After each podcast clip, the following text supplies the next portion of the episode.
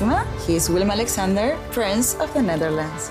How did an Argentinian lady end up on Wall Street? That's a long story. Well, I have time. Mama, Oh, het is Maxima. ik heb er nog nooit zo verliefd gezien. Screw everyone. All I care about is you. Maxima. Vanaf 20 april alleen bij Videoland. Zullen we gewoon gelijk beginnen? Ja, dat Zijn lijkt we me daar toch? Prima, ja. Veel te bespreken, toch? Nieuwe tv-seizoen is gestart.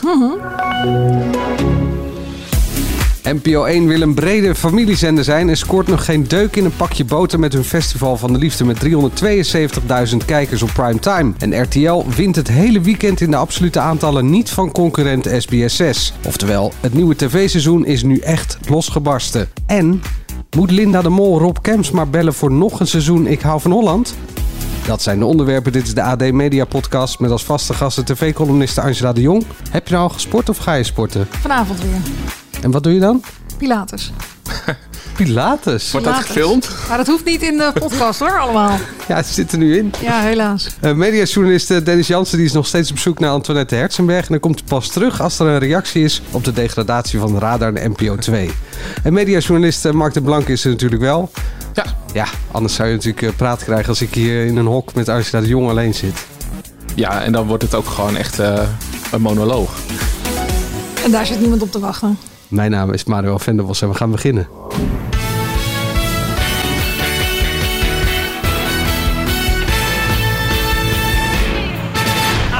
Hallo, ja, je spreekt met Rob Kemp. Je zult het niet geloven. Mijn eerste uitzending, ik weet er nou al niks meer van.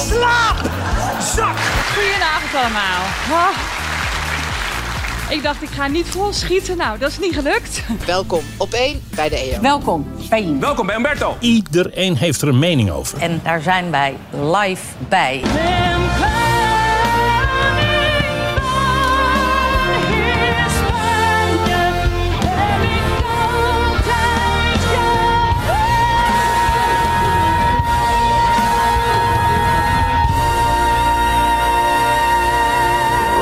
Was dit mooi?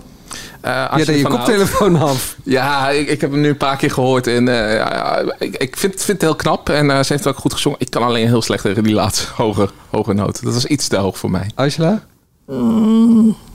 Ja, ik heb er ook niet, ik heb er ook niet zoveel mee. Ik bedoel, doe het gewoon zoals het bedoeld is. eh. Nou, nee, nee, dat vind ik juist. Dat vind ik heel goed dat ze dat bij, bij de Formule 1. eh, finale had vorig jaar een eigen eh, variant erop gemaakt. Wat voor mij dan weer wat meer aansprekend was. En nu, eh, dus van mij mogen ze dat elk jaar een variantje erop maken. Voor die gelegenheid. Niet vaker natuurlijk. Nee, ik vind volkslied is volkslied. Daar blijf je vanaf. Ja, Ja, maar hij wordt altijd traag afgespeeld, eh, begreep ik eh, onlangs. Klopt. Goed Ik, eh, opgelet. ik volg het nieuws. Ah, ja, nee, heel goed. Dan moeten we eerst met z'n allen denk ik maar eens afspreken dat we hem iets sneller gaan eh, doen. Ja, ik hou niet zo van die... Ik vind iets te veel theater erbij. Hoeft niet. Heeft het hele evenement ook helemaal niet nodig. Ja, een soort eh, soldaat van Oranje las ik ergens. Vond ik wel, eh, wel grappig. Maar goed. Straks gaan we het hebben over het nieuwe tv-seizoen. Dat is losgebarsten. En natuurlijk over de terugkeer van de grande dame van de televisie. Linda de Mol. Maar eerst Mark, je wilde terugkomen op vorige week. De derde optie van Tim Hofman die hij gemist zou hebben. Die jij opgooide. In het kort, ik leg het even uit voor de mensen die het gemist hebben. Tim stelt in zijn tweede aflevering van Boos over de Voice... dat er meer slachtoffers bekend zouden zijn bij de leiding. Waar Jonathan had over expliciet één slachtoffer. En dus concludeert Tim... er kunnen twee dingen aan de hand zijn. Of John liegt, of die twee types die vlak onder hem zitten... Linde de Jong en eh, Rick Brug, eindredactrice en eh, zakelijk directeur... hebben deze gevallen onder de pet gehouden. En toen kwam ik vorige week van... Hey, maar dan miste een theorie, want de contactpersoon kan ook hebben gelogen. Contactpersoon is de geluids, eh, die te horen was in de geluidsopname van, eh, van Tim Hofman. Ja, nou uh, heeft Sebas Dijkstra, de advocaat van, uh, van de slachtoffers, contact met mij gezocht. En dacht, hé, hey, ik ga het even uitleggen hoe het zit. En hij zegt, dat scenario komt niet in aanmerking... omdat het betreffende slachtoffer een melding aan Linde de Jong heeft gedaan. Dus zij wist ook van die kwestie. Contactpersoon, de vertrouwenspersoon, is dus niet de enige die wist van meerdere meldingen. Dus Linde weet er sowieso van als we Sebastian Dijkstra, dat lijkt mij een redelijke bron, mogen geloven. Ja, en dan uh, is het heel gek dat Talpa zegt van... hé, hey, zij zit er nog. Want als John de Mol zeker weet... hé, hey, ik weet het niet... en dat ook stellig beweert en zij weet het wel... ja, dan is er heel duidelijk wie er liegt in dit verhaal, toch? Nou, wie er niet liegt, denk ik dan. Ja, de contactpersoon kan nog steeds doorgegeven, ja. wel of niet doorgegeven zijn aan de hoogste baas natuurlijk. Ja, maar als John de Mol zegt, ik weet het niet... Ja. dan kan er vanuit John de Mol maar één iemand zijn die Ja. gelogen heeft. Ja. En dat is Linde de Jong. En dan blijf je dus bij bij de theorie dat hij, als dit de zaak hem lief is en ook zijn bedrijf hem lief is, dat je dan degene die dit gedaan heeft op straat zet, toch? Ja. Het is niet gebeurd, volgens mij, van de week. Nee, eh, dit is niet de enige optie. Want Linde de Jong kan natuurlijk ook tegen Rick Brug hebben gezegd. En dat Rick Brug heeft gezegd: eh, hou dit maar onder de pet. Ja, maar dan hebben ze dat toch samen gedaan? bij- Ja, dan hebben ze het samen gedaan. Maar, Ja. te- maar hij kan Rick Brug niet omslaan, want die zit bij IT. Nee, die zit nu bij ITV. dus vandaar waar. dat we onze pijlen richten Ja. op eh, Linde de Jong. En ze waren samen bij dat gesprek. Als John de Mol er niet vanaf hè, eh, wist, dan heeft Linde de Jong gelogen. Of John de Mol liegt zelf, dat kan uiteraard ook. Eh, maar, maar in ieder geval is eh, het raar als John de Mol Linde de Jong laat zitten. Want daarmee zegt hij, ja, ik wist het. Of, ja, bij mij mag je liegen. Dat is ook, lijkt mij in dit geval een rare situatie. Maakt mij niet uit wat er met die medewerkers gebeurt. Ja. Toch? Dat zeg je dan eigenlijk. Ja. Ja. Maar goed, gaan we nu iedere week gaan we het dan zeggen van is Linde de Jong al ontslagen? Nou, dat kunnen we wel Ja. doen. Gewoon iedere Zoals, week. zoals Marianne Ja. Thieme altijd deed met en voorts ben ik tegen de bio-industrie, waarmee ze ieder betoog afsloot. Is Linde de Jong al ontslagen, Mark? Nee, nog niet. Nog niet. Eh, dan gaan we het nu over wat luchtigers hebben. Eh, wat betreft de afgelopen week. Heb je genoten van beste zangers? Luchtiger, zegt hij. Nou, eh, ik had dat een beetje van tevoren hier al aangekondigd. Omdat ik wist eh, dat eh, Jaap dat liedje van eh Nielsen zou gaan doen. En ja, ik moet heel eerlijk zeggen. eh, nou, la- laat ik even, even het iets meer inleiden. Als je, ik, ga niet mijn hele persoonlijke levensverhaal hier op de op, Oh, niet? eh, Nee? neergooien. Maar als je in je leven als jong iemand mee hebt gemaakt dat een ander jong iemand overlijdt. Dan komt deze tekst binnen. Ik zat eh, echt vol met tranen voor de televisie. En daarna volgde het gesprek tussen Nielsen en Blanks. Die hebben allebei het meegemaakt dat een eh, vriend van hun is overleden op jonge leeftijd. En ja, dit was voor mij, dit tilt tv echt wel naar het stapje eh erboven. Dus dit was niet meer, we zingen liedjes van elkaar. Nee, dit was gewoon een soort van emotie uitwisselen en ook een soort helend. En ik vond dat heel knap. Ik, ik vond het knap gezongen van Jaap. Ik, ik vind Jaap sowieso onderschat in Nederland qua eh, zanger. Dat is volgens mij, nu Marco Bassato er niet meer is, eh, kunnen we hem zo in. eh, en die, kan al die liedjes ook zingen. Ja, ik vond het gewoon hele, hele, hele bijzondere televisie. Waarvan akte? Heel emotioneel verhaal. En Ja. waarvan acte. Het kan toch ook niet. Ze heeft geen hart.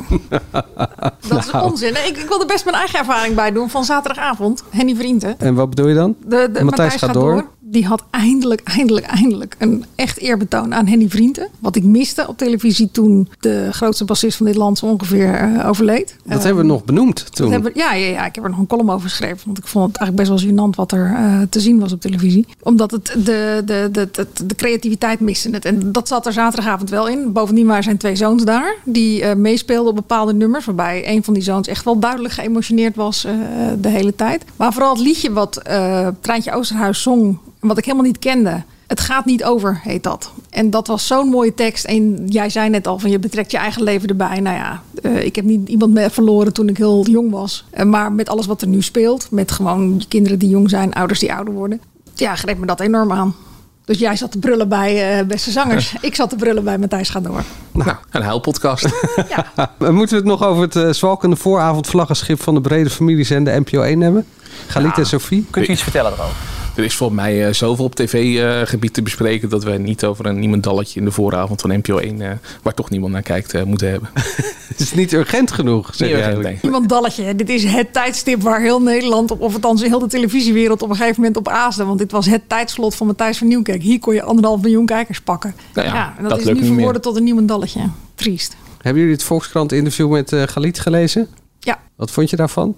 Uh, aan zelfvertrouwen geen gebrek. Ik wou inderdaad, soms zou ik willen dat ik iets van die zelfoverschatting zou ik het eerder willen noemen. Zelfkennis was een wat, wat, uh, is wat anders. Ja, als je daar een heel klein beetje van hebt, dan kan je gewoon altijd zeggen van ik ben geknipt voor deze baan. Ja, ik vond het nogal uitspraken voor iemand die. Uh, Hmm, maar goed, laten we het gezellig houden. Ja, straks uh, Linda de Mol. Het is echt een young podcast. Het is uh, emotioneel bij haar terugkomst op de nationale televisie. En mooi of niet, Angela? Ja of nee? De terugkeer van Linda? Nou, ja. en dat emotionele uh, start? Nou, dat was nou niet helemaal mijn definitie van mooi. Ik vond dat ze het uh, eigenlijk uit het boekje deed.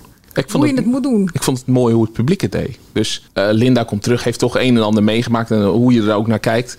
Ze kwam terug en ze werd echt warm onthaald. Dus dat vond ik er wel mooi aan. En jij denkt dat het geheel spontaan was? Dat er niet een floor manager stond van nou mensen klappen, klappen, klappen. Ga maar even staan. Ja, maar dan, dan nog. Je merkte wel aan het publiek dat ze wel echt Linda welkom. Ja, maar daar gaan we het zo meteen. Uh... Maar eerst, uh, het nieuwe televisieseizoen is uh, losgebarsten. Goedenavond! Wat leuk, van harte welkom bij de eerste aflevering van een vers seizoen van Weet ik veel. Goedenavond vanaf het aanmeldcentrum in Ter Apel. Welkom op 1 bij de EO. Welkom bij Welkom bij Umberto. Onze zomer is ten einde. Dit is Galit en Sophie. Dag dames en heren, goedenavond. Hartelijk welkom weer het begin van de week. Van weer een heerlijke week vandaag in Zuid. We hebben er absoluut heel veel zin in. Welkom op ons Festival van de Liefde, waar alles, maar dan ook echt alles, om de liefde draait. Opvoeden. Iedereen heeft er een mening over. Maar wat is nou de juiste manier? Acht gezinnen geven een inkijkje in hun opvoedstijl. Slaap lekker. Slaap lekker. Slaap lekker. Drie uur is de start van de Formule 1 race. De grote prijs van Nederland. En daar zijn wij live bij. Ja, om het dan in eh, sporttermen uit te drukken. De NPO stelt teleur in de Champions League en eh, RTL is wisselvallig. En SBS is misschien wel de lachende derde. Eerst NPO, dan RTL en dan SBS. Jij hoorde dat SBM ook zeggen dat SBS de lachende derde is Ja. dit seizoen? Ja, ja ik denk dat, dat hij bedoelt op, dat in het weekend die cijfers wel oké waren. Wel oké. En hij wordt natuurlijk betaald door SBS tegenwoordig. Laten we dat ook even benoemen. Nee, ben jij ook eh ingeseind door, eh, door de hoge baas? Klopt, en ik, Koffie ik- gedronken er wordt, heb er, je er met, wordt ook eh, geturfd wat ik, eh, Wat je zegt. wat ik zeg. Ja. We, we snappen hem. Nee, daar zijn jullie het niet mee eens? Deze samenvatting? Ja, ik bedoelde echt inderdaad gewoon afgelopen weekend heeft SBS het beter gedaan dan RTL. Nou ja, waar, waar SBS redelijk presteert, zullen we het gewoon redelijk noemen, presteert RTL gewoon zwaar onder. En ik denk dat dat de juiste verhouding is. Oké, laten we er nu op inzoomen. We beginnen bij de NPO. Hoe ging dat? Nou, ik was nog niet heel erg onder de indruk van dit nieuwe televisieseizoen. Van wat er allemaal begon. Zeg je eufemistisch? Zeg ik heel eufemistisch. Ja, ik denk ook dat de, de, de echte knallers, die komen natuurlijk dit, deze week. Lubach begint vanavond weer.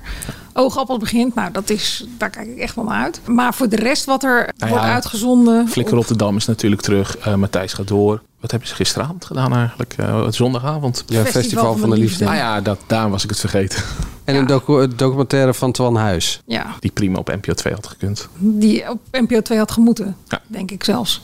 Op een logisch, dat was logischer geweest dan nu ergens op NPO 1. Zoals Manuel net al zei, van zodra het kassa dan wel moet wijken en dit blijkbaar wel kan. Ja, dit zei, dat zei ik buiten de podcast om. Dus dat, maar Ja, ja. Nou, nou heb ik het even voor je herhaald. Ja. maar ja, we hadden natuurlijk de week van op 1, wat natuurlijk heel raar was in het aanmeldcentrum. Maar goed, dat voelt ook alweer heel erg ver weg vorige week. Nou, daar wil ik wel wat over zeggen. Ik was toevallig eh, in het NPO-gebouw en ik sprak daar wat mensen die bij de NPO werken. Ik ga geen namen noemen. Maar ik merkte dat er binnen de NPO ook wel wat verbazing was over die uitzending. En dan specifiek over waar die dan plaatsvond. Dus voor dat hek met de asielzoekers erachter die toekijkend eh, waren naar hoe eh, de presentatoren lekker met een glas wijn eh, hun uitzending aan het presenteren Er waren. stond geen wijn hoor. Daar heb ik echt specifiek op gelet. Er stonden twee glaasjes cola voor eh Oh, ik, Javanka en eh, Ah, Ik ga, nu Markje. even de, de- in een waterglas. ik ga nu even de foto erbij pakken. Ik weet niet beter dan dat er cola in een waterglas stond. Er wordt nu gezocht naar de cola. Ook dacht ik, laat een stilte vallen dan. eh. Weten mensen dat? Er zit een muziekje onder. Dit is eh, cola wat op wijn lijkt. Ja, helemaal gelijk. Oh ja, Maar- in wat voor Gelet, glas? jongens. Ja, in een, eh, een, een wijnglas, maar dan zonder de onderkant erbij. Een waterglas dus. Nee, ja, ik ken ook bijna geen presentatoren die rode wijn gaan zitten drinken. Want rode wijn geeft altijd ook eh, aanslag op je tanden en zo. Dus dat doen ze echt bijna niet. nou ja, maar dan, eh, het, het ging meer om het beeld van dat, dat er twee presentatoren, weliswaar met een colaatje, ook een beetje Ja. gek voor het... eh, Klopt. En dan mogen ze nog blij zijn dat er maar een stuk of vijf mensen daar stonden. Dat er niet 150 man achter dat hek stond. Want dan had het echt helemaal eh, enorm raar geweest. Dus helemaal als die waren gaan roepen of schreeuwen of met iets op het hek waren gaan slaan. Ik wil best mee in eh, dat het bijzonder is dat ze aandacht besteden aan de asielcrisis op deze manier. Dat ze naar de plek gaan waar, waar het zich afspeelt. Hou ik normaal gesproken ook wel van. Maar had dit dan gewoon op het gemeentehuis van Ter Apel gedaan of zo? Ja, dat laatste ben ik gewoon helemaal eens. Gemeentehuis, leek me een prima plek. Of binnen in het, a- dat aanmeldcentrum of weet ik veel wat. Kijk, We hebben van de week in de Volkskrant kunnen lezen hoe dat er ongeveer uitziet. Dat had volgens mij ook gekund. Door hoe het uitpakte eh, op één onwaardig, vond ik. En wat jij zegt bij de NPO waren ze er niet allemaal eh, heel enthousiast over. Je zag ook in de reactie van Bert Huisjes, zag je natuurlijk ook dat hij het eh, heel erg op het bordje van zijn EO-collega's eh, parkeerde. Ik heb eh, eventjes een, eh, een staartje erbij gepakt van eh verslaggever van RTL Boulevard, eh, Joost Maaiburg. Die heeft eh, allemaal naast elkaar gezet wat de cijfers zijn van Vandaag in Site, Jinek en Op1. En daaruit komt een gemiddelde naar voren van de afgelopen week. Oké, vertel. En Jinek heeft dan de hoogste score met 762.000 gemiddeld. Dankzij Nick en Simon uiteraard. Dank, met de 1 miljoen. danks- ja, als je die dus weghaalt, dan, eh, dan eh, eh, komt ze lager uit. Eh, vandaag Inside doet het heel goed als tweede, 737.000. En op één is, de, valt dan het meest eh, tegen, om het zo maar eens te zeggen, 628.000. Ook wel een beetje door die dinsdaguitzending die een enorme dip was. eh, met Ja. 500 zoveel eh, duizend. Ja, want als je dus kiest dat je de asielcrisis gaat behandelen, wat zij een belangrijk thema vinden en wat ik ook vind dat de publieke omroep dan hoort te doen, ja, dan weet je wel dat er minder mensen kijken. Ja, maar Eh, het scheelt maar 40.000 kijkers met eh, eh, maandag, woensdag en vrijdag. Dus dat scheelt niet zo heel veel. Ja, die uitzendingen staan me allemaal niet zo heel erg bij. En dat is misschien ook wel het probleem van het programma, dat het allemaal inwisselbaar is. Hoe doet de NPO het verder? De zondag Nou ja, is natuurlijk de zondag beroerd. is desastreus met Festival van de Liefde, maar ook wat er op NPO 3 gebeurt. Daar hebben we vorige week natuurlijk al over gesproken, over dat CM en over Mhm. ehm, Ik ga stuk.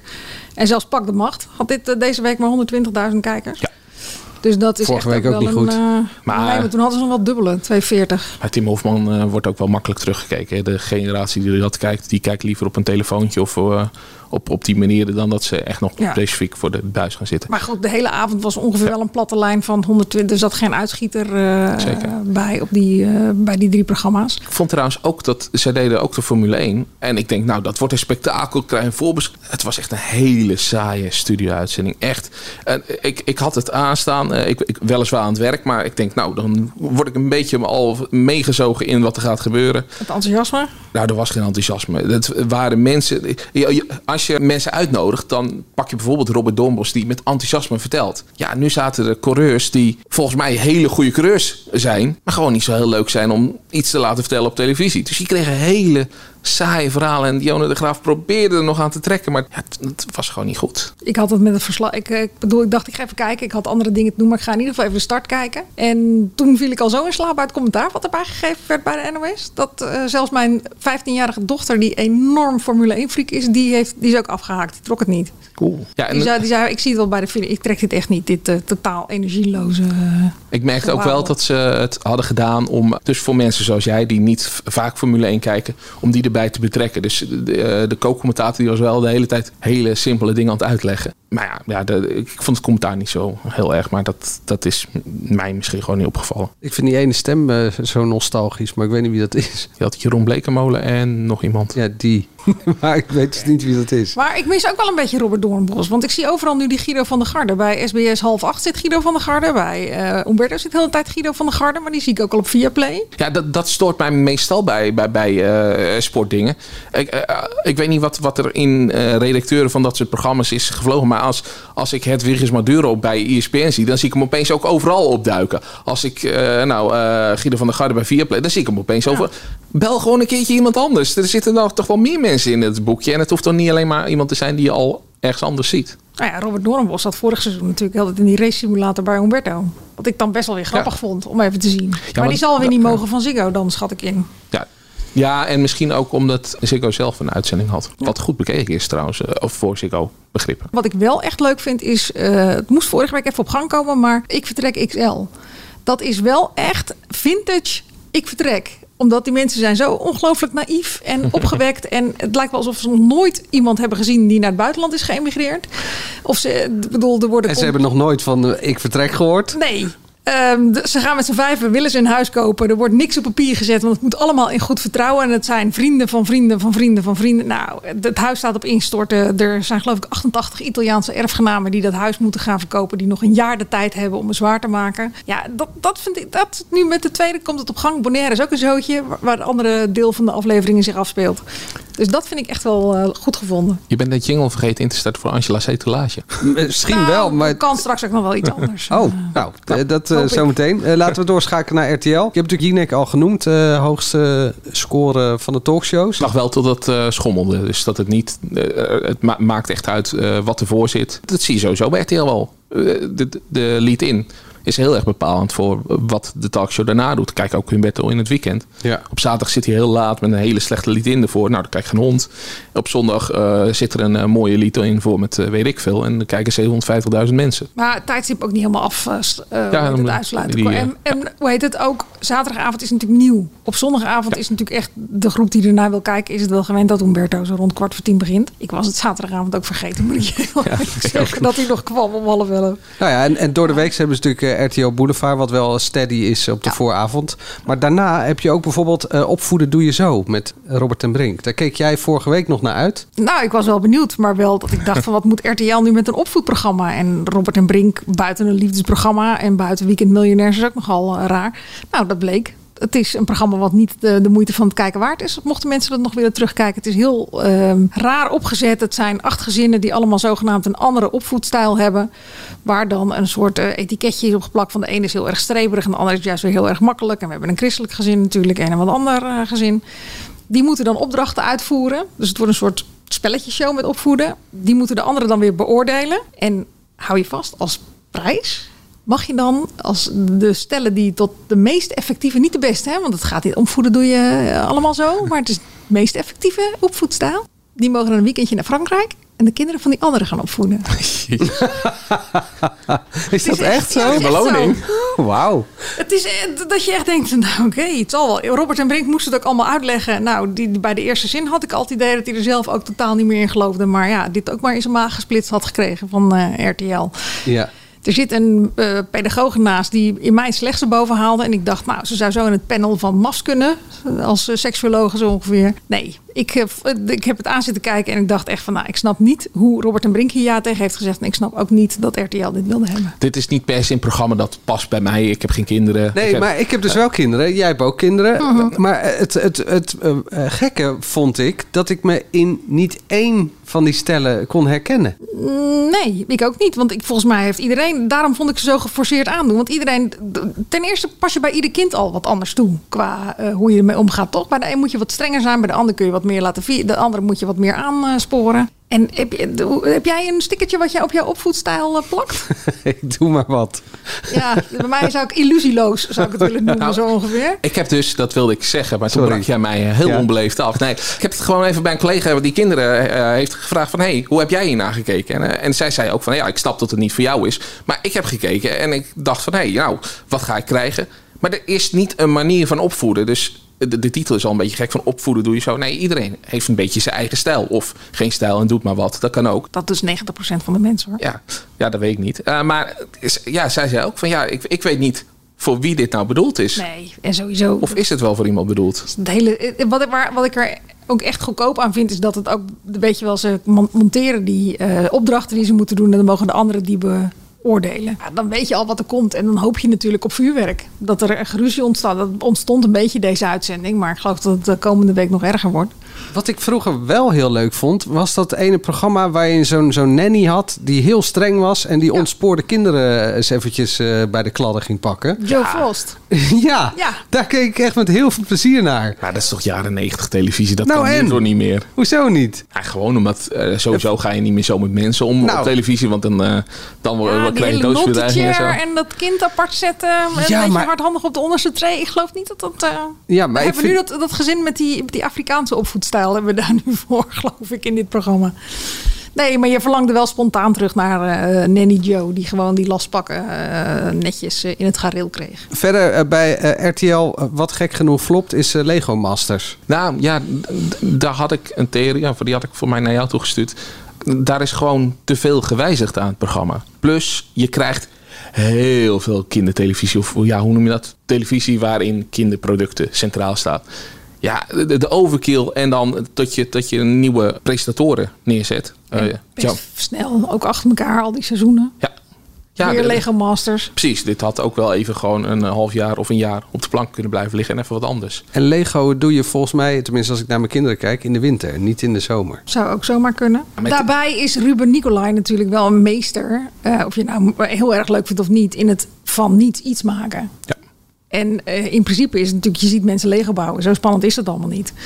En daar is Jamai misschien toch iets te lief en te kleurloos voor. Om, uh, om daar nou echt hele leuke televisie van te maken. Ja, Terwijl ik Jamai wel in het eh Hollands Got Talent vind passen. Eh, Bij Buddy moet ik nog een beetje aan wennen, maar... eh, De vrijdagavond bedoel je? Ja. eh, ja, ja, dat is op de vrijdagavond. Ik moest even denken. Ja, want ik vond Jamai altijd al heel goed bij, bij eh, The Voice. Dat hij dan backstage deed. En hij was volgens mij wel netjes. En eh, daarna is Geraldine dat gaan doen. En dat sloeg helemaal nergens op. Dus je, je ziet wel dat Jamai talent voor dat soort snelle backstage eh, gesprekjes heeft. Sowieso vond ik heel Got Talent wel geslaagd. Ik vind Mark Marie echt gewoon een prima toevoeging aan, aan de jury.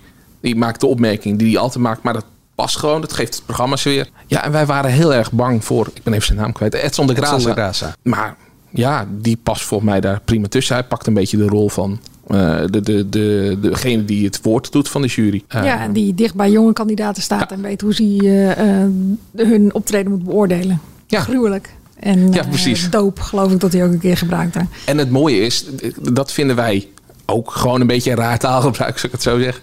En dat vindt Mark Marie ook. En die, die benoemt het dan ook. Waardoor je eh, niet dat dance, dance, dance gevoel hebt. Dat je denkt van, wat, wat, wat zegt eh, Timor nou weer? Nee, You nailed it. ja, je nailed it. Ja. Is daarna wel een staande uitdrukking geworden. Ja. Nee, maar hoe heet het? Ja, het is niet helemaal mijn programma. En waar ik wel echt moe van word in dit soort programma's zijn de geïngestudeerde toneelstukjes. Dat je dan weer dat begin met die Ja, druk op die knop. En dat er dan weer, eh, hoe heet het, geveegd moet worden door Eds. En nou ja, Jamai en Buddy hebben dan zo'n, van ja, is het Jamai of Buddy of is het Buddy of Jamai? Daarvan denk ik echt, jongens, kom op, kom op. Iets, iets ambitieuzer om, op dat vlak mag echt wel. Dit soort toneelstukjes die hadden we in de jaren 90 vonden we ze leuk. De jaren 80 vonden we ze helemaal leuk. Maar nu, 2022, verzin iets anders. En ik wilde nog, want we hebben het heel kort over Humberto gehad. Ik vind het heel leuk dat Humberto terug is. Alleen ik vind hij moet stoppen met onderwerpen die al de hele week eh, besproken zijn. Dus hij, op zaterdag begon hij ook weer over de asielcrisis, weliswaar. eh, met het filmpje van Danny Goosen, dat die asielzoeker die niet eh, buitenlands... eh, nee, nee, met die, die man die een hekel had aan... Of hekel, weet ik niet. Die, die niks met asielzoekers te maken wilde hebben, omdat hij geen buitenlands sprak. Is ook een moeilijke taal, hè? Ja, buitenlands is een moeilijke taal. Ja. maar dat filmpje was al een week oud. En dat heb ik echt de hele week overal voorbij zien komen. Het enige originele naam was, was dat Danny natuurlijk zelf zat. Maar het had niet meer gehoeven. En op eh, zondag, wat ik eigenlijk de leukste uitzending vond... daar zat 18 minuten asielcrisis met Gijs Rademaker. Ik heb het gewoon geskipt. En Dijkhoff. Ja, eh, ik zit er gewoon niet meer op te wachten. Ik, ik, ik wilde inderdaad Formule 1 wilde ik dan even zien. Hij had echt een heel leuk dingetje met eh, de voice is weg. Dus eh, we gaan vijf mensen op straat laten zingen. En eentje mag volgende week zaterdag bij mij in de studio optreden. Dat vond ik echt leuk gedaan. Dus daar zaten allemaal dingen. En waar ik echt heel blij van werd... want dat wordt gewoon overal op televisie uiteraard genegeerd... maar eh, Peter Heerschop zat er. En natuurlijk kent Humberto Peter Heerschop, dus dat is wat makkelijker. Maar die stopt na twintig jaar met zijn column op Radio 538. Het is het radiootje. Nee. Eh, dat was nou iemand waarvoor je de radio op vrijdag op 538 aanzette. Ja, klopt. Eh, en dat, is- dat zijn maar heel weinig momentjes op de radio. Dus ik snap ook niet waarom zij hebben gezegd... we willen hiermee stoppen. Want hij liet dat fragment ook nog zien... van die aanslag in Utrecht in de tram. Op dat moment weet hij precies de juiste woorden te vinden. Sterker nog, ik hoorde het en was weer opnieuw ontroerd. Ik zat niet te huilen hoor, maar eh, eh, ik voelde het wel weer. Ik vond het heel fijn dat dat nog even gewoon echt wel op een podiumpje werd gezet. Edwin Evers deed zijn woordje op de kamer. Vervolgens kwam Marianne Timmer, waarvoor dat rubriekje altijd was natuurlijk. Lieve Marianne, zo heet het. Ja. kwam dan een keer een brief voor Peter Heerschop. Dus ik vond, eh, daar zat creativiteit in, daar zat liefde in. Ik vond het mooi dat dat afscheid er daar was. En ook nog voor 750.000 mensen. Nou ja, zondagavond weet je hem te vinden, wat we net al zeiden. En zaterdagavond is het gewoon heel laat en vond ik het te, onders- te weinig onderscheidend. En waar ik wel ook vind dat hij een beetje voor moet oppassen, is als hij zoals eh, zaterdagavond eh, die man van de Jumbo aan tafel heeft, die van Eert. Dan wordt het al snel heel erg ons kent ons. En dan, wordt het, dan gaan alle kritische vragen gaan compleet overboord. Nou is Umberto al niet de meest kritische interviewer. Maar dan wordt het echt wel op het slijmerige af. En dan heb je het idee dat je soms naar een soort eh, teambuildingsdag van de Jumbo staat te kijken. Van ja, je bent een echt mens-mens. En oh je steunt, eh, hoe heet het, je Max al heel lang hè. En dan is er nog een filmpje met de, de prins. En daar wordt ook weer even heel hard gelachen. Want ja, we kennen elkaar allemaal heel erg goed. Dat is van die televisie, daar voel ik me altijd als kijker enorm buitengesloten. Maar ik vind wel, eh Humberto kan dat in het weekend. Alleen dan moet hij af van... van ik, ik vind Het dit, nieuws. Hij Ja. moet gewoon lekker een late night programma maken met veel muziek. Ja, dat denk ik ook. En als er dan echt iets groots is gebeurd waarbij je op dat moment echt... eh, Dus als er op zaterdag iets gebeurd is wat je moet bespreken... dan snap ik dat je het doet. Maar niet iets wat de rest De van de week week ook al wordt, eh, wordt Nee. besproken. Maar één ding moeten we niet hm? vergeten van RTL, hè? Fout, maar goud. Dat vond ik echt... eh, ik bedoel, Fantastisch, hè? Vond je dat? we opvoeden doe je zo, dat we daar een dieptepunt mee hadden. Maar fout maar goud. Dat vond ik echt wel het dieptepunt, ja. Dat was zo verschrikkelijk infantiel. En dat Chantal Jansen zich daarvoor leent, samen met Marieke Elzinga, die nog even snel naar een cursus eh, eh, hoe doe ik zo overdreven mogelijk was gestuurd. Nog overdrevener dan normaal. Hoe ze het verzonnen kregen.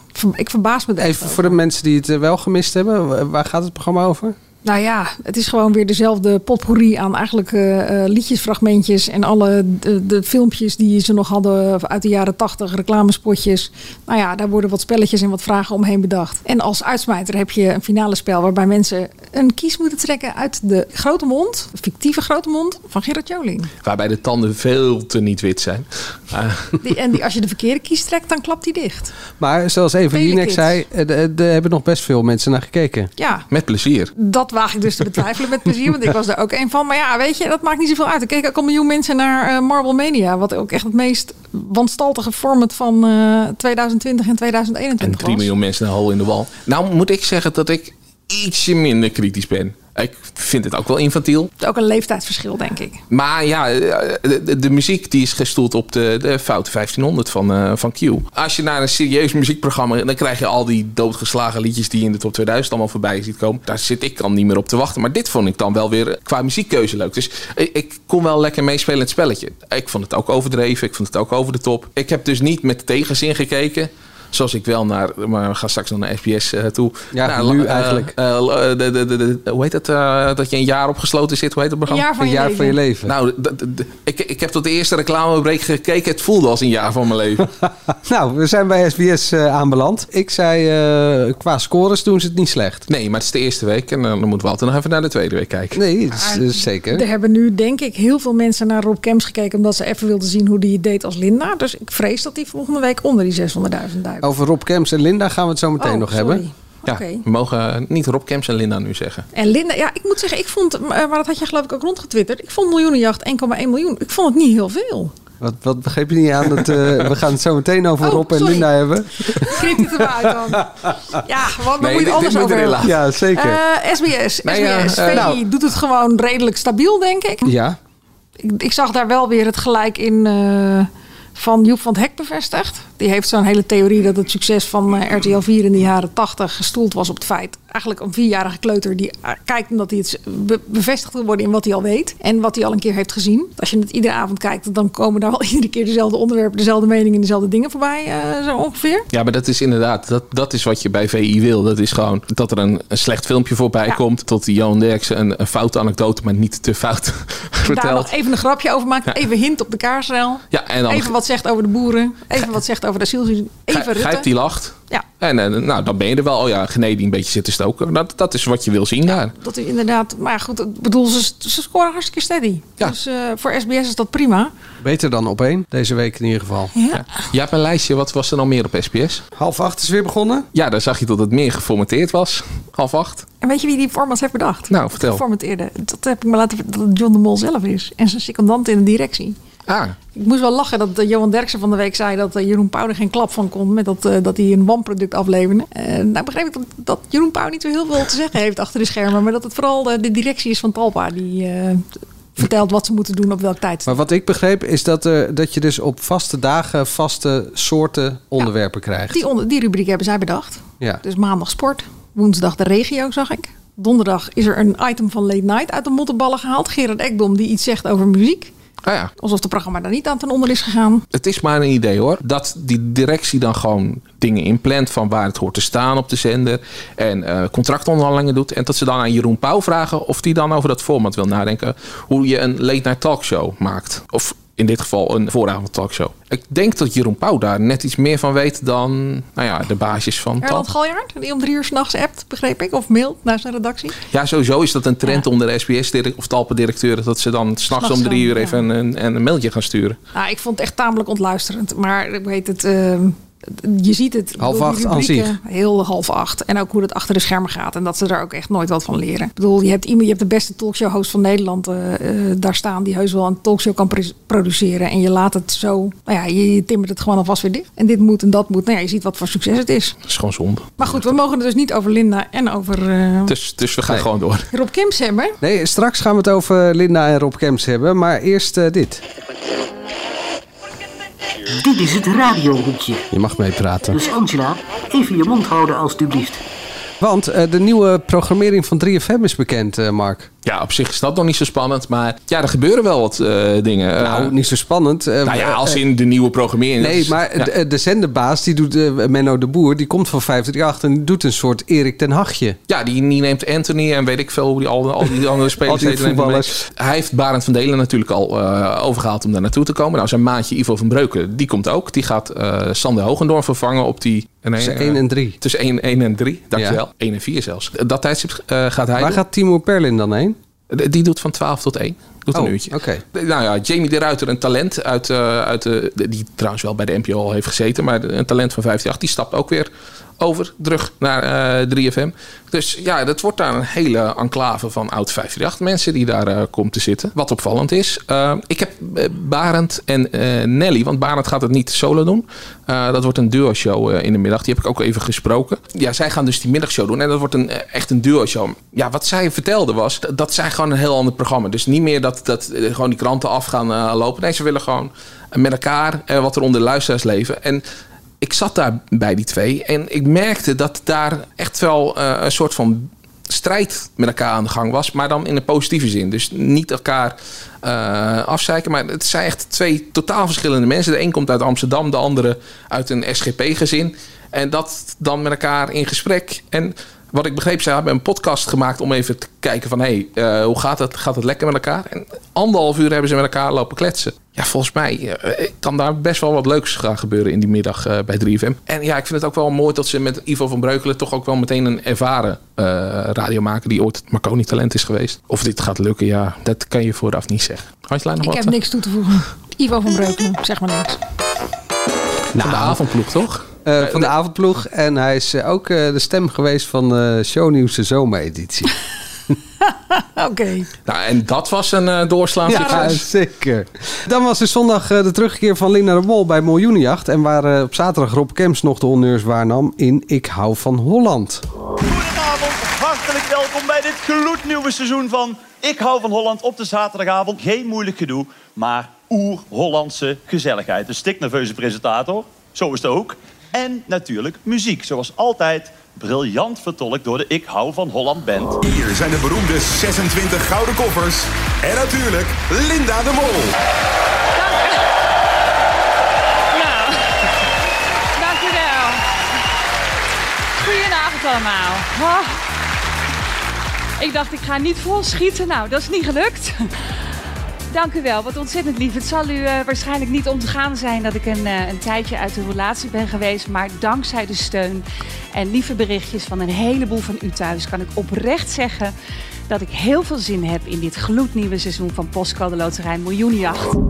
De stelling luidt: Linda de Mol moet eh, Rob Kemps maar bellen voor nog een seizoen Ik hou van Holland. Mark? Ik ben kwijt hoe die stelling nou bedoeld is. Maar, eh, Sarcastisch, denk ik. nou, Of cynisch. Nou, Of oprecht? Als je Matthijs van Nieuwkerk moet vervangen, dan zie je dat is moeilijk. Als je Edwin Evers moet vervangen, dat is moeilijk. Als je Linda de Mol moet vervangen, is dat ook moeilijk. Ik zie in Rob Kemps nog niet de eh, beste presentator ooit. Maar ik vind wel, ja, je kan het nog niet gaan zitten vergelijken met Linda de Mol natuurlijk. Dus ja, dit, dit, dit is eh, bijna onmogelijk om dat perfect te doen. Hij vult het op zijn eigen manier in. Ja, het is voor mij heel erg wennen, maar voor mij moet hij er ook gewoon nog echt in komen. Ja, je had voor mij wel iets in je column geschreven, maar dan weet ik even niet meer wat het precies was. Ja, Nou, weet ze zelf Dat nog in wel? de, le- in de leer moet bij Linda. Weet je, Nou, d- dat, dat zeker. Maar ja, ik, ik, ik vind het moeilijk om daar nu keihard over te oordelen. Omdat het gewoon niet te doen is natuurlijk. Linda Nou, laten, we beginnen bij de, laten we beginnen bij de positieve. Hij heeft duidelijk iets geleerd van de wheel. Hij schreeuwt niet meer. Nee, Je zo hoorde ja. het net ook in de aankondiging. Hij bleef heel rustig. Hij was eigenlijk heel keurig. Maar daardoor was het ook allemaal wel een be- beetje zieloos. En ik snap best dat het heel moeilijk voor hem is. Maar ik blijf me echt afvragen waarom Rob Kemps in zo'n mal van zo'n ontzettend groot showprogramma geduwd moet worden. We hebben gezien dat hij dat bij The Wheel, nou, dat hij daar niet meteen enorm voor geschikt is. Ik bedoel, hij is een feestzanger, hij kan een massa meekrijgen. Maar zijn echte kracht ligt toch echt bij een programma als Chansons. En ik snap niet dat ze dat bij, R bij SBS, ik wilde zeggen RTL, maar bij SBS niet onderkennen. En misschien, eh, je zou het ook heel eh, eh, kunnen omdraaien... dat als ze hem dat seizoen Ik hou van Holland laten presenteren... dat er weinig kans is dat Linda niet terug kan komen. En dat het in ieder geval niet is dat ze wordt ingehaald door de vervanger.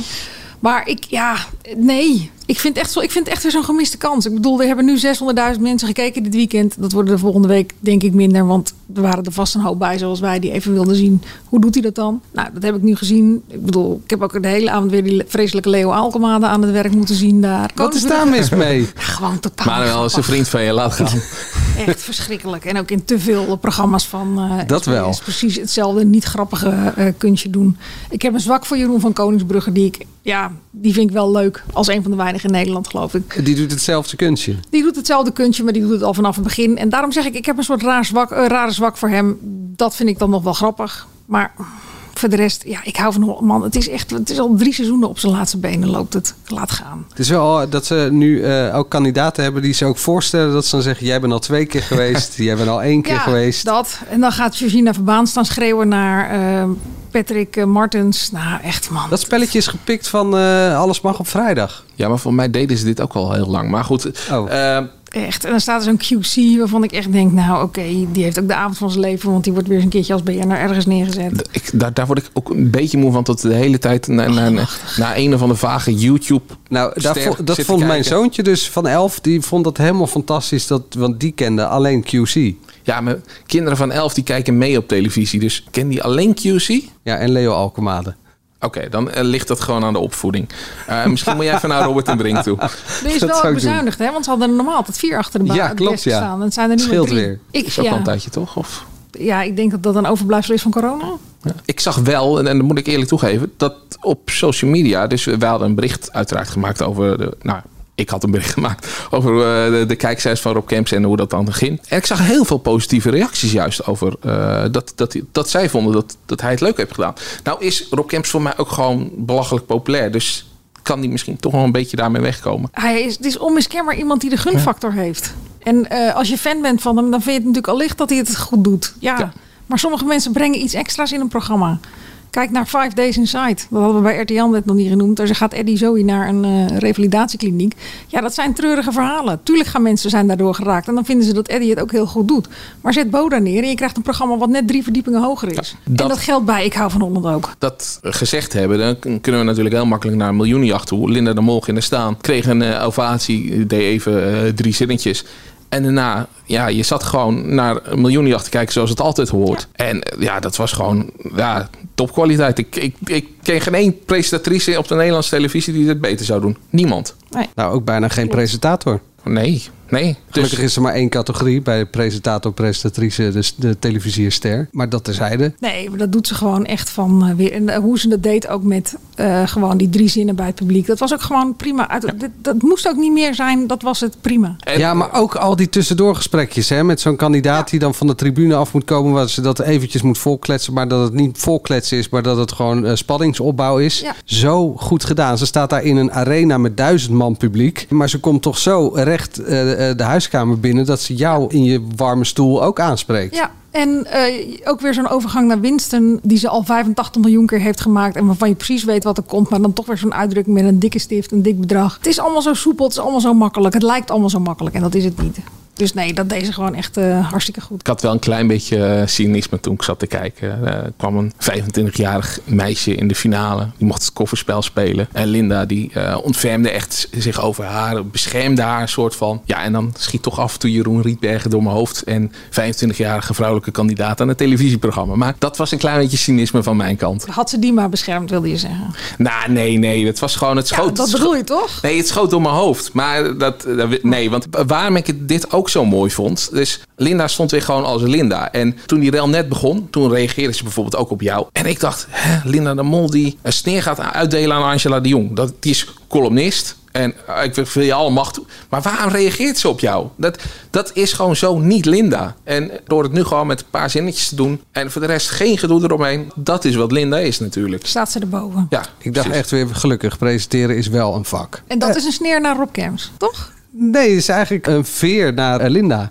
Ja, en een sneer naar Rob Kems. Nou, hij is nog niet op dat niveau. Eh, en, maar als we dan toch aan het uitdelen zijn. Ik vond dat Winston dat live stukje heel goed deed. Hij denderde daar die woonkamer binnen. Ja, dat, je, je zit een beetje met je oren te klapperen, heb ik het idee. Maar eh, ik vond dat hij dat knap aan elkaar kletste. Er zaten twee mensen totaal verbouwereerd. En eh, hij komt daar binnen met eh, felle lichten en twee camera's. En ja, hij kletst dat echt Als heel dat na gezellig. 25 jaar nog niet kan, dan zou er Nee, wel mis zijn. Dit, dit, ik heb gezept. Ik ben, meestal ben ik weg bij dat. Oh, nou, dat- ik vond het ook le- leuk iemand die nog bij zijn moeder woont en die dan die, die prijs wint. Eh, maar Dat heeft niks met winsten te maken. Het was wel een lullig bosje bloemen als je het toch gekeken hebt. Vond je niet? ik let nooit op bloemen, dat interesseert me zo weinig. Nee, ja, maar Winston is echt, dit, dit is gewoon wat hij eh, prima kan, dat eh, empathie laten zien. Ik weet niet of het gemeend is, maar hij kan het heel goed Dat laten was ook zien. een sneer, toch? Of niet? Nou ja, eh, als ik, ik zeg eh Winston en empathie en dan vervolgens doet hij bepaalde dingen waarmee ik denk, oh, nou, dat is niet zo heel empathisch, dan is dat voor mij niet oprecht. Laten we dit alles positief afsluiten. En nou hebben we het nog niet over een jaar van je leven gehad, hè? Oh, ja, daar moeten we het zeker over hebben. Daar heb ik met open mond naar zitten kijken namelijk. Een jaar van je leven. Dat had eigenlijk bij SBS moeten, denk ik. Nee hoor, dat doen we nu. Oké, nou prima. Een jaar van je leven. Ik denk dat er een eh, apart bakje is bij castingbureaus. Waarin, waarop gewoon staat: deze mensen zijn echt heel dom. Die kunnen geen drie getallen bij elkaar optellen. En ook niet 99 door drie delen. En die stoppen we allemaal in zo'n programma. Want die geloven ook nog dat ze dan een miljoen krijgen of kunnen verdienen. Waarvan je toch als kijker weet. Een miljoen is nooit een miljoen bij John de Mol. Daar gaat, eh, nou ja, er ging gisteravond al rap. Voordat ze in dat huis zaten, was er 30.000 euro af. En ik las vanochtend bij ons in de krant, want zo goed heb ik me verdiept in dat format. Ik geloof er zo ontzettend in, maar niet heus. Dat ieder, alles, iedere fles cola die ze willen kopen, die gaat ook van het bedrag af. Ja, klopt. Jezus. Ja, dus ik ben, ik, ik- ze mogen blij zijn als er nog 10.000 euro Ja, over is hoeveel, straks. eh, hoeveel man zitten er in dat huis? 40. Of tenminste 39. Want die 39. eerste is al afgevallen voor de, voor de poort. Ja, die kon geen 117 uit. Een, een jaar onderhouden voor, voor, voor, voor 39 man, dan kom je redelijk richting een eh, flink bedrag. Nou ja, Ja, en die prijzen gaan ook geloof ik nog. Het is niet een fles cola die. Dan, moet- dan moet je vier keer die fles cola betalen, geloof ik. Of, of meer. Of tien keer, of weet ik veel. en dan krijg je freeway. Ah, het, het is echt. eh, Nee, ja, wat, wat mij vooral opviel was het contrast. Dus bij Miljoenenjacht had je echt een, een, een leuke winnares, een leuke thuiswinnaar. Daarna kwam je, eh, nou ja, je hebt het ook in gewoon geschreven, de, de, de, de moeder die het huis inging. Want eh, ja, ze liet haar kinderen achter. eh, en, ja, ze ging een jaar weg. Want ja, ze wilde nieuwe borsten hebben. nu En was ja, het tijd voor haar. Zij wilde nu de nieuwe borsten. En een scooter voor Ja, het en kind en, voor- paardrijles. Ja, oké, dat is nog sympathieke scooter voor het kind. Maar, Maar de eerste kwam die borsten in ieder geval. ja, en ja, zo waren er allemaal van dat soort rare mensen. Ik denk, hoe heb je ze gevonden? Het is echt... Bij mij thuis werd er gereageerd. Oh, ik dacht altijd dat ik slecht was in rekenen. Toen zei ik, ja, en vergeleken met iemand in een tijgerlegging... die zijn kinderen achterlaat in een flatje bij, bij haar ouders. En Om een stel nieuwe borsten te gaan verdienen op televisie. ben bij je nog best slim. Ja. Ik ben wel bang dat zij dan uiteindelijk eh, met drie borsten eh, eindigt. Omdat ze niet weet wat twee of drie is. Ik vond het ook nog best een leuke opdracht. Wat kun je, hoeveel borsten kun je kopen voor drie- 30.000 euro? Ik weet niet of ze daar dan was uitgekomen. Weet je wat Ja, mijn zoontje zei? eh, Die zei, moeten de mensen die beslissingen moeten nemen in dit land... moeten, die niet dit, moeten ze dat niet verbieden? Een Ja, hele goede ethische ja, vraag. Dat vond ik ook. Ehm, tegelijkertijd, als eh, de politiek zich met eh, dit- de inhoud Nee. van dit soort programma's gaat bemoeien, dan is het einde zoek. Nee, maar eh, de dieperliggende vraag, of de eigen, eigenlijke vraag is natuurlijk gewoon: moet je deze mensen niet in bescherming nemen tegen zichzelf? Ja, dat, ja, maar daar is onze overheid niet zo goed in mensen. Nee, maar niet per se overheid, maar gewoon productiebedrijven. Ah, op die manier. Maar mensen die weten toch ook. Ja, ik, ik, nou ja, ik was gisteravond echt weer getroffen door zoveel domheid in een programma. Maar in principe zouden mensen toch moeten weten waar ze aan beginnen. We hebben Big Brother gehad, we hebben alle vormen daarvan gehad, we hebben Utopia gehad. Wat hebben we nog meer gehad aan dit soort programma's? De bus. Ja, Ja, de bus, maar we hadden natuurlijk pas ook nog. Million eh, Dollar Island. Op een ja, eiland, Million Dollar ja. Island. Nou dat ja, was het. en wat ook het grote probleem is met de laatste programma's die de Mol bedenkt in dit genre. Te veel kandidaten. Je gaat nooit met al die mensen meeleven. Dus stop er tien in een huis. Dan kan je nog een band Ja, krijgen. Maar maar ja, de kans dat er ruzie komt is met 40 wel echt heel veel groter dan met 10 natuurlijk. ja, dan moet je de casting beter doen. Kijk naar OO Gesso. Dat werd toch geweldig omdat die casting goed was. Ja, nou, wat denk je van de eerste Big Brother? Ja. Die was ook fantastisch. Maar ja, ik vind het maar nog... dat was een experiment en daar wisten die kandidaten niet eens dat we daarnaar dat is de keken. crux. Ja. Daarom is wat ze daarna ook hebben bedacht van Big Brother 2 tot Million Dollar Island tot dit. Het is nooit meer zo leuk geworden als Big Brother 1. Want al die mensen gaan erin met het idee: ik word de nieuwe Bart, ik word de nieuwe eh, Ruud. Sabine. Of ik, word, eh, ik ga hier al met een carrière als influencer uit. Nou of ja. ik, nou ja, En er was er ook weer eentje die had zijn lippen op laten spuiten. Want er ging op televisie komen. Ja, zo de miet erop, joh. was die al 23, die persoon, of niet? Ik weet het niet. Ja. Rotterdamse jongen. Quincy, geloof ik dat Ja. heette. Nou ja, zie, Ah, ik, ik weet dat hij het zelf niet kan uitrekenen hoe oud hij is. Nee, hij had ook, hij, was hij degene die... eh, Afkijken. de boel- Nou, dat ja. deed hij wel slim. Gewoon op een ander slotje kijken. Ja, het kostte 10.000 euro. Is en daarna nog eens twee keer 20.000 Ja. euro omdat de rest hem na ging doen. Ja, ben ik even blij dat dat niet zo duur was toen ik dat vroeger op school deed. nou, ik kan me niet voorstellen dat dit eh, enigszins in de buurt komt van de kijkcijfers van eh, Big Brother 1. Ik denk eerder dat het gewoon zoiets wordt als eh, Big Brother, zoals nu bij RTL te zien is. Ja, dat het overigens weer terugkomt. Big Brother komt voor een... eh, Ja, er is 300.000 man publiek voor en die streams zullen ook wel wat verdienen. Nou ja, dan eh, zijn ze tevreden tegenwoordig. Laten we positief eindigen. Angela de Jong. De enige etalage van Angela waar je wel in wil staan. Angela de Jong. Hoor je wie het is, trouwens? Is het eh Philip Frederiks of niet? Ja. Uit de slimste mens. Ja, dacht ik al. Leuk hoor. Filipje. Wat staat er in je kijkje? etalage? Eh, ja. Nou, iets wat ik niet kwijt kon in mijn column, maar waar ik wel met heel veel plezier naar gekeken heb gisteravond, is eh, De Neven van Eus. En dat is altijd een, voelt altijd een beetje als ik over Eus schrijf, eh, alsof het wij van WC en het adviseren WC en het is, omdat hij ook columnist is bij deze krant. Het is niet zo dat wij elkaar hier tegenkomen op de redactievloer, want hij is hier nooit. Ik ben hier eh, één of twee keer in de week. Dus dat is niet zo. Je vindt hem eigenlijk een eikel. Nee, ik vind hem geen eikels. Verre van zelfs. Oh. Maar om aan te geven dat we niet hier collega's zijn zoals ik met Mark ben. Continu overleggend Nee, ja. en eh, van alles en nog wat. Maar ja, weet je, ik heb echt met eh, heel veel interesse zitten kijken naar die eerste aflevering. Ook omdat het ging over een onderwerp wat hier ook speelt. De asielcrisis. En wat mij eigenlijk leerde dat we zien hier natuurlijk mensen eh, te hoop lopen tegen asielzoekers die komen in een leegstaand hotel. Die het hebben over vre- vreemdelingen die ze niet in hun buurt, die, die er achterdochtig van zijn, die onbekend. Dan denk je, wat zijn wij Nederlanders toch een vervelend, racistisch, klein, eh, denkend volk. Nou, de Turken zijn precies hetzelfde. Als het over de Syriërs gaat. Ah, ik dacht, dit wordt een hele, hele woke opmerking. Maar nee. Dat wordt het niet. Nee, Nee, de was Tur- Turk afzeik. Nee, het, ja, dat is weer wat anders dan Turbergers afzeiken in de media. Ik vond het leerzaam. Ik bedoel, we, we denken altijd dat wij hier in Nederland het centrum van de wereld zijn en plakken daarvan alles op. En dat willen we heel graag. Maar de, de, het wantrouwen en de, onbekendheid naar mensen die er anders uitzien dan wij, die andere gebruiken hebben, die, zijn, die zitten in ieder mens, die zitten in ieder ras. En die zitten eh, dus ook in Turken. En het was gewoon heel leerzaam, want die mensen zien hun land overgenomen worden. En een aantal van die mensen eh, hoorde je daarover vertellen. En natuurlijk kon je daarbij een aantal argumenten weer lachen. Maar tegelijkertijd brak ook mijn hart bij zo'n oude buurvrouw van Eus. Want hij was in een appartementencomplex waar zij vroeger een eh, vakantieappartement hadden. Die herkende gewoon haar eigen buurt niet meer. Die kon de buren niet meer groeten, want die kwamen diep langs. En dan baalt de plaatselijke middenstand ook dat al die Syriërs hun boodschappen doen in hun eigen Syrische supermarkt. Ik vond het echt voor alle mensen die heel hard oordelen over iedereen hier in Nederland. Kijk die serie en leer ervan. Als die angst universeel is, was er dan ook eh, nog hoop die universeel is?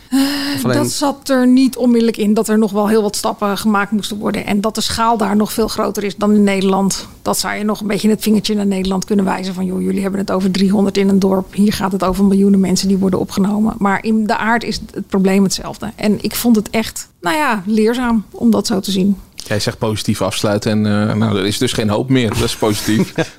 Nee, nou dan, dan oké, waag ik nog een poging. Het is vandaag maandag als we deze podcast opnemen. De hele week ligt nog voor ons. Waar kijken we naar uit, eh, Ja, Mark? oogappels. Ja, dat begint. Dat gaan we toch allemaal kijken. Jullie twee wel, sowieso. Ja, fantastisch. Ik vind het echt zo'n geweldige serie. Ik hoop zo dat het gewoon het niveau houdt. Want het zou toch pijnlijk zijn dat, dat we dan in je volgende week zitten... en dat we zeggen, ja, het was het toch niet. Ik kan het me bijna niet voorstellen. Ik ook niet. Ik ga het vragen. Eh, ik kijk heel erg uit naar Arjen Lubach vanavond. Ja, ik ook. En de hele week. Ik ben heel benieuwd of hij iets over, eh, over een bepaalde... Juice kanalen gaat zeggen zeker. Ja. Ja, ben ik ook. Wil jij nog iets roepen over aankomende week? Ja, Nou, dat ik ben wel benieuwd genoeg. naar. Nee, ik ben wel benieuwd Oh. naar het tweede deel van het Van Huizen eh, docu. Die ga ik wel even kijken vanavond. En daarvoor moet het eh, familiediner wijken. Ja, of het seizoen moet wel afgelopen zijn. Dan was het een heel kort seizoen. Dat heb ik, ik ben niet helemaal een wandelende televisiegids. Ik denk Maar dat dat ruzie idee was en dat kreeg ze daarom uitgesteld hebben. Dat idee kreeg ik wel. En eh, ze wilden wel volgens mij ook per se vanavond uitzenden. Omdat het natuurlijk vandaag exact zoveel jaar geleden is. Van Huis gaat achter een moordenaar aan. Dus eh, spannende tv. Dank jullie wel. Vond je dit nou een leuke podcast? Geef ons dan even een duimpje in je favoriete podcast app. Abonneer je, dan krijg je als eerste een verse podcast. En we zitten op Instagram, AD Media Podcast. Heeft Sebas Dijkstra jou daarop eh, bereikt? Of, eh, Nee, mensen hebben gewoon mijn 06-nummer. Iedereen Oh. heeft een 06-nummer. Ik niet. Voor het laatste media nieuws ga je natuurlijk naar ad.nl slash show. En ben je even klaar met media? Wat moet je dan doen? Nou, eh, luister, dat nieuwe nummer van David Guetta. Dat eh I'm Blue. Dat, maar dan in, in, in een hele nieuwe remix. Geweldig. Serieus? Ja. Serieus, serieus. Serieus, serieus. Niet cynisch. Nee, nee, nee. Ik, ik vond het origineel al vreselijk namelijk. Nou ja, maar, uh, dit is een heel klein stukje muziekpodcast ja? hoor. Maar uh, ik vind het heel knap dat je, dat je voor mij is die bijna uh, is die in de 50. En dat, dat al die jonge artiesten dan proberen met die oude hits iets nieuws te maken. En dan komt David Guetta en die maakt gewoon van I'm Blue, dat, wat eigenlijk gewoon een totaal irritant liedje. Maakt gewoon knallen van een hit van. Ik vind het geweldig.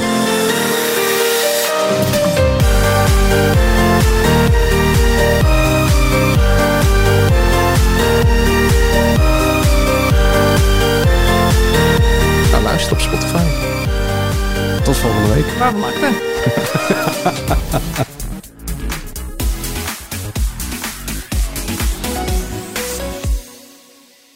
In de vroege ochtend van 14 mei 1990 stopt er een knalgele Volkswagen Golf bij de Albert Heijn in Oosterbeek. En daar is het dus ook gebeurd. Gewapend dringen twee gemaskerde mannen de supermarkt binnen. Ze eisten de sleutel van de kluis. Een van hen is een zekere Appie. Appie A. Hij verdient voor zijn leven lang vast te zetten. Hij richt een bloedbad aan. Mensen zijn in koele bloeden vermoord, daar lijkt het op. Dit is een verhaal over een moord. Ik vond het echt heel, heel schokkend. Een dubbele moord in een hele gewone supermarkt. Ik kon bijna nog tranen in mijn ogen krijgen van dat moment. Een derde medewerker van de Albert Heijn raakte zwaar gewond. Iedereen zei dat hij het niet zou overleven. Hij is tot de dag van vandaag gehandicapt. Hopeloos, uh, moedeloos, uh, radeloos. Luister vanaf zaterdag 27 augustus naar de podcast Appie. Ik vond het echt afschuwelijk. Echt afschuwelijk. Appie vertelt het verhaal over de bloedigste supermarktenoverval uit de Nederlandse geschiedenis. Het was onbeschrijfelijk. Appie vind je op ad.nl slash podcast. Of in je favoriete podcast-app. Ja, we hebben gewoon uh, levenslang. Maxima, he is Willem Alexander, Prince of the Netherlands. How did an Argentinian lady end up on Wall Street? That's a long story. Well, I have time. Mama, oh, het is Maxima. Ik heb er nog nooit zo verliefd gezien. Screw everyone. All I care about is you. Maxima. Vanaf 20 april alleen bij Videoland.